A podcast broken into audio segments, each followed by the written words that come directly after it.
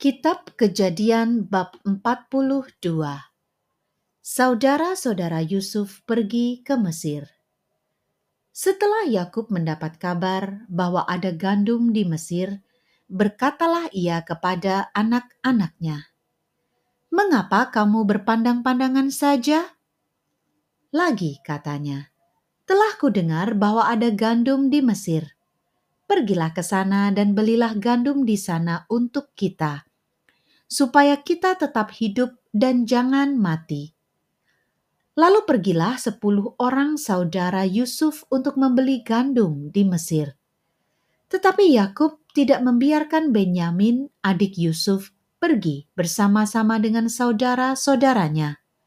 Sebab pikirnya, jangan-jangan ia ditimpa kecelakaan nanti jadi di antara orang yang datang membeli gandum terdapatlah juga anak-anak Israel, sebab ada kelaparan di tanah Kanaan. Sementara itu Yusuf telah menjadi mangku bumi di negeri itu. Dialah yang menjual gandum kepada seluruh rakyat negeri itu. Jadi ketika saudara-saudara Yusuf datang, kepadanya lah mereka menghadap dan sujud dengan mukanya sampai ke tanah.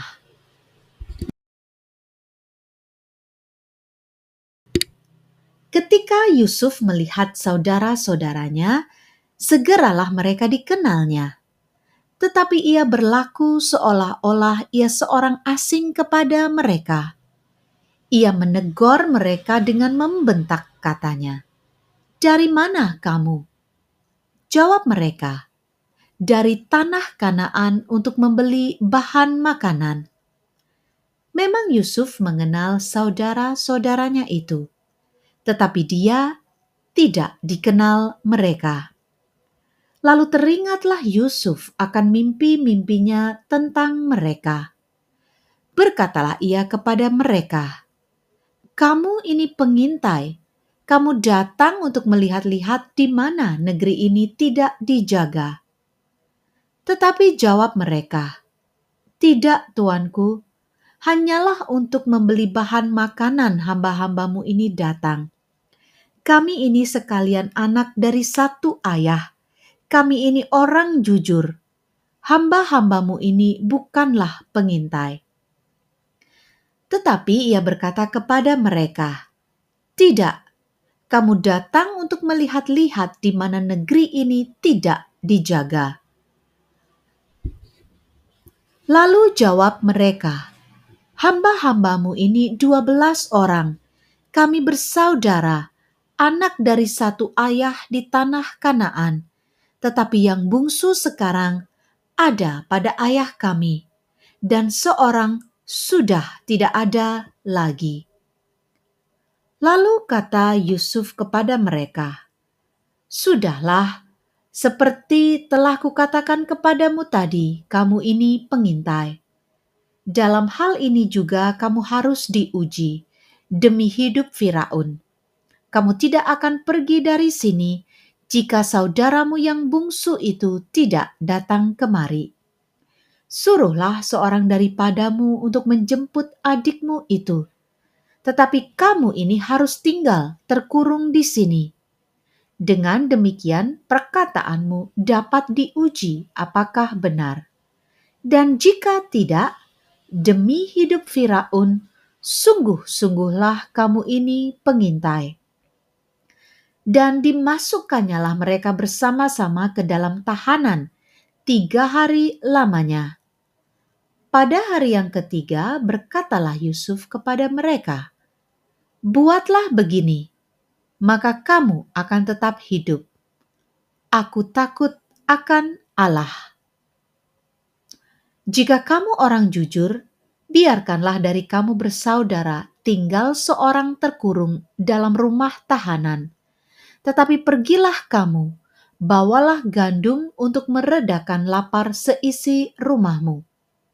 Tetapi saudaramu yang bungsu itu haruslah kamu bawa kepadaku, supaya perkataanmu itu ternyata benar, dan kamu jangan mati. Demikianlah diperbuat mereka. Mereka berkata seorang kepada yang lain, betul-betullah kita menanggung akibat dosa kita terhadap adik kita itu. Bukankah kita melihat bagaimana sesak hatinya ketika ia memohon belas kasihan kepada kita, tetapi kita tidak mendengarkan permohonannya? Itulah sebabnya kesesakan ini menimpa kita. Lalu Ruben menjawab mereka, Bukankah dahulu kukatakan kepadamu, janganlah kamu berbuat dosa terhadap anak itu. Tetapi kamu tidak mendengarkan perkataanku. Sekarang darahnya dituntut daripada kita. Tetapi mereka tidak tahu bahwa Yusuf mengerti perkataan mereka, sebab mereka memakai seorang juru bahasa. Maka Yusuf mengundurkan diri dari mereka, lalu menangis. Kemudian ia kembali kepada mereka dan berkata-kata dengan mereka. Ia mengambil Simeon dari antara mereka, lalu disuruh belenggu di depan mata mereka. Sesudah itu, Yusuf memerintahkan bahwa tempat gandum mereka akan diisi dengan gandum, dan bahwa uang mereka masing-masing akan dikembalikan ke dalam karungnya serta bekal mereka di jalan akan diberikan kepada mereka. Demikianlah dilakukan orang kepada mereka itu. Sesudah itu, mereka pun memuat gandum itu ke atas keledai mereka, lalu berangkat dari situ. Ketika seorang membuka karungnya untuk memberi makan keledainya di tempat bermalam, dilihatnyalah uangnya ada di dalam mulut karungnya. Katanya kepada saudara-saudaranya, "Uangku dikembalikan. Lihat, ada dalam karungku." Lalu hati mereka menjadi tawar, dan mereka berpandang-pandangan dengan gemetar serta berkata, "Apakah juga yang diperbuat Allah terhadap kita?" Ketika mereka sampai kepada Yakub, ayah mereka di tanah Kanaan, mereka menceritakan segala sesuatu yang dialaminya. Katanya, orang itu, yakni yang menjadi tuan atas negeri itu, telah menegur kami dengan membentak dan memperlakukan kami sebagai pengintai negeri itu. Tetapi kata kami kepadanya, "Kami orang jujur, kami bukan pengintai. Kami dua belas orang bersaudara, anak-anak ayah kami. Seorang sudah tidak ada lagi, dan yang bungsu ada sekarang pada ayah kami di tanah Kanaan. Lalu kata orang itu, yakni yang menjadi tuan atas negeri itu kepada kami, "Dari hal ini aku akan tahu apakah kamu orang jujur dari kamu bersaudara. Haruslah kamu tinggalkan seorang padaku." Kemudian bawalah gandum untuk meredakan lapar seisi rumahmu dan pergilah.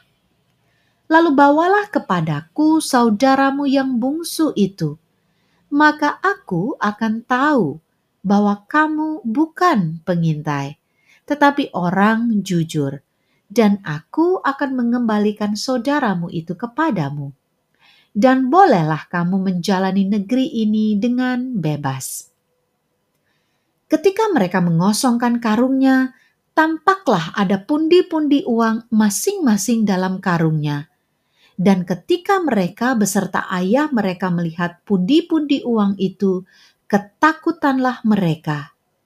Dan Yakub, ayah mereka, berkata kepadanya, "Kamu membuat aku kehilangan anak-anakku. Yusuf tidak ada lagi, dan Simeon tidak ada lagi." Sekarang Benyamin pun hendak kamu bawa juga. Aku inilah yang menanggung segala-galanya itu. Lalu berkatalah Ruben kepada ayahnya, Kedua anakku laki-laki boleh engkau bunuh, jika ia tidak kubawa kepadamu.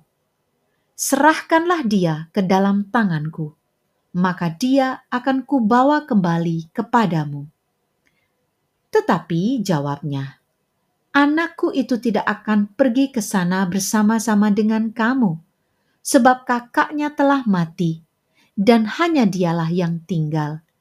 Jika dia ditimpa kecelakaan di jalan yang akan kamu tempuh, maka tentulah kamu akan menyebabkan aku yang ubanan ini turun ke dunia orang mati karena duka cita. Demikianlah sabda Tuhan. Syukur kepada Allah.